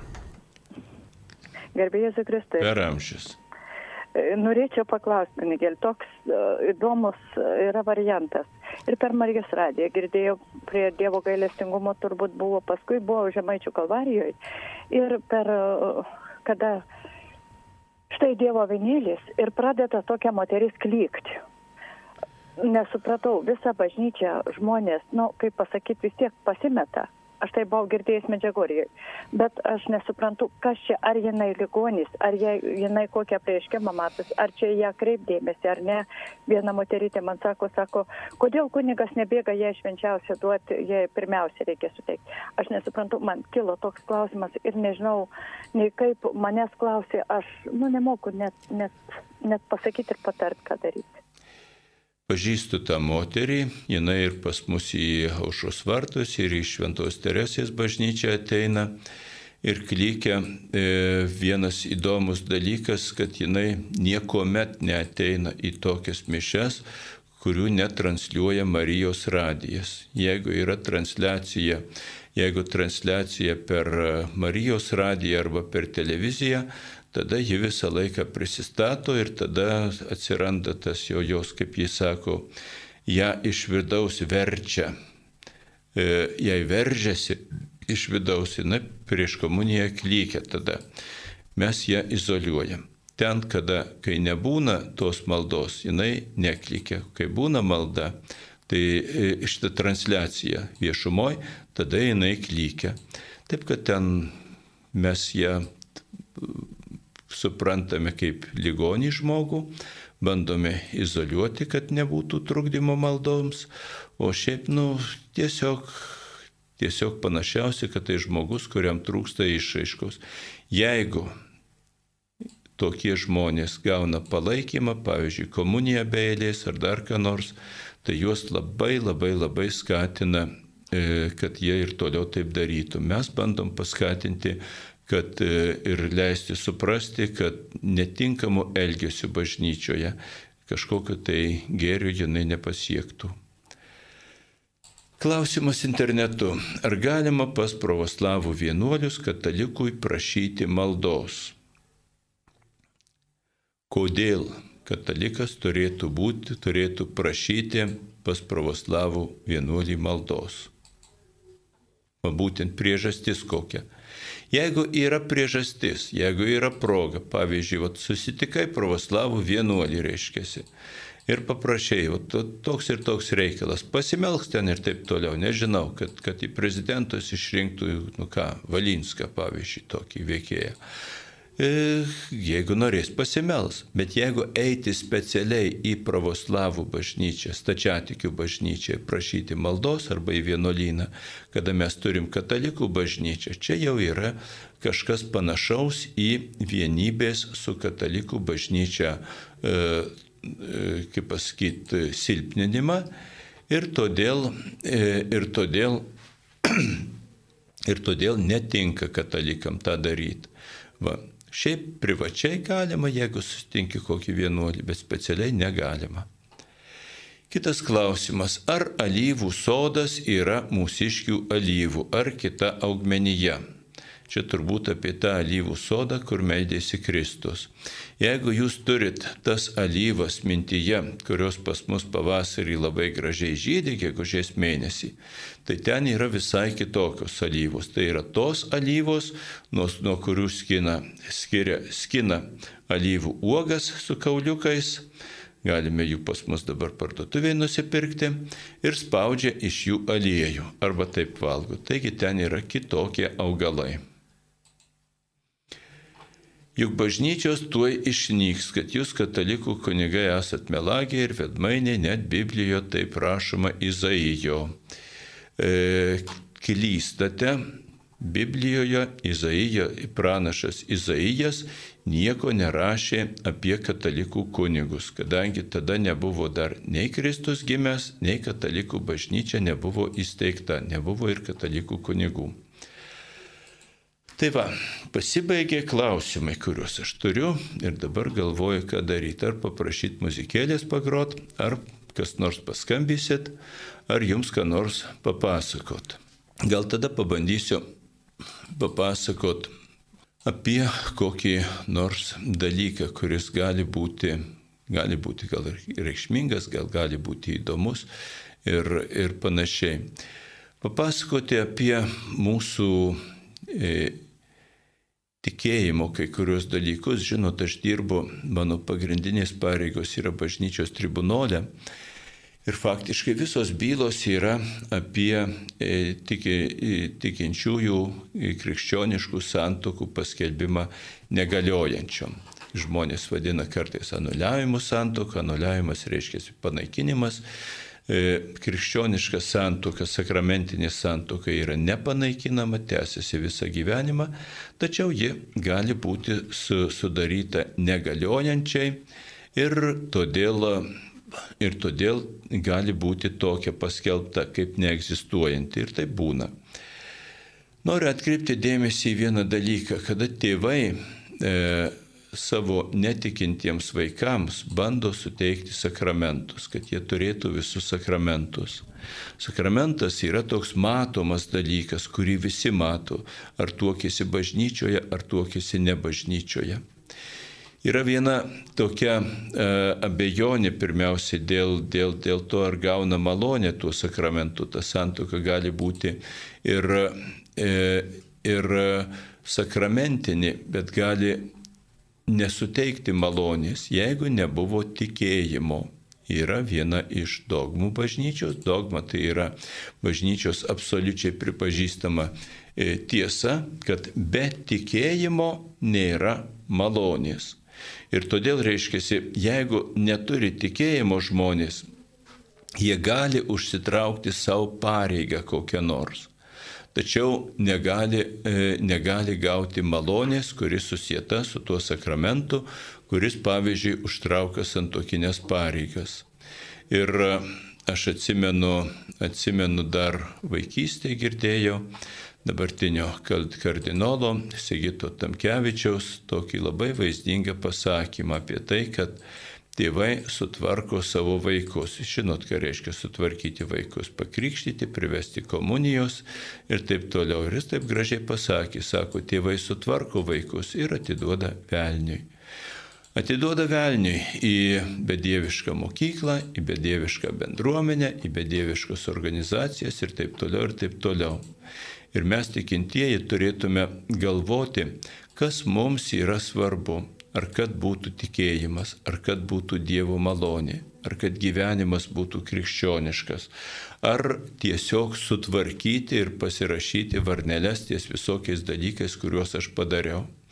Ar, ar užtenka užsidėti, nežinau, kažkokią mokslininko kepurę, žinot, būna tokius, man pasakojo viena, viena moteriškė, jinai baigė baigė e, studijas e, universitete Kaune, išėjo į Laisvės alėjas, ten diplomų įteikimas su tokiu apsiaustu, su, su, su šituo e, kepurytė tokia. Ir kažkoks vaikas ten mažiukas pamatė, mama, žiūrėk, mokslininkė eina. Bet ne dėl to jinai mokslininkė, kad turi tą kepurę, o dėl to, kad jinai sukopė žinias. Ne dėl to tvarkingas gyvenimas, kad priėmė sakramentą kažkokį, o todėl, kad turi tikėjimą, myli Dievą ir stengiasi gyventi, kaip jam patinka. Va į šitos dalykus mes turėtum tikrai kreipti dėmesį ir e, nesistengti atlikti formą, pamirštami turinį. Turime klausimą internetu. Dėl pandemijos nebuvau iš pažinties du metus ir bijausi atlikti, kadangi mūsų bažnyčioje kunigas labai barasi ir taip nuteikia, kad vos nežmogžodėjai, ką man daryti. E, paprastai e, tikintysis yra laisvas pas ką eiti iš pažinties. Galite pasirinkti bet kokią bažnyčią, bet kokį kunigą. Jeigu jūs turite tokį kunigą, kuris e, kaip pasakyti, baruose ir taip toliau, ir jums netinka, pasirinkite kitą kunigą. Gyventi be išpažinties nuodėmiai, be malonės yra dvasinis didelis blogis. Taip, daugiau klausimų kaip ir neturim, tada šiandien laidą baigiame, klausykitės toliau Marijos radijo, skambinkit, e, paremkit e, savo maldą, kas galite auką parenkite ir te lydė jūs visus Dievo malonė, garbė Jėzui Kristui.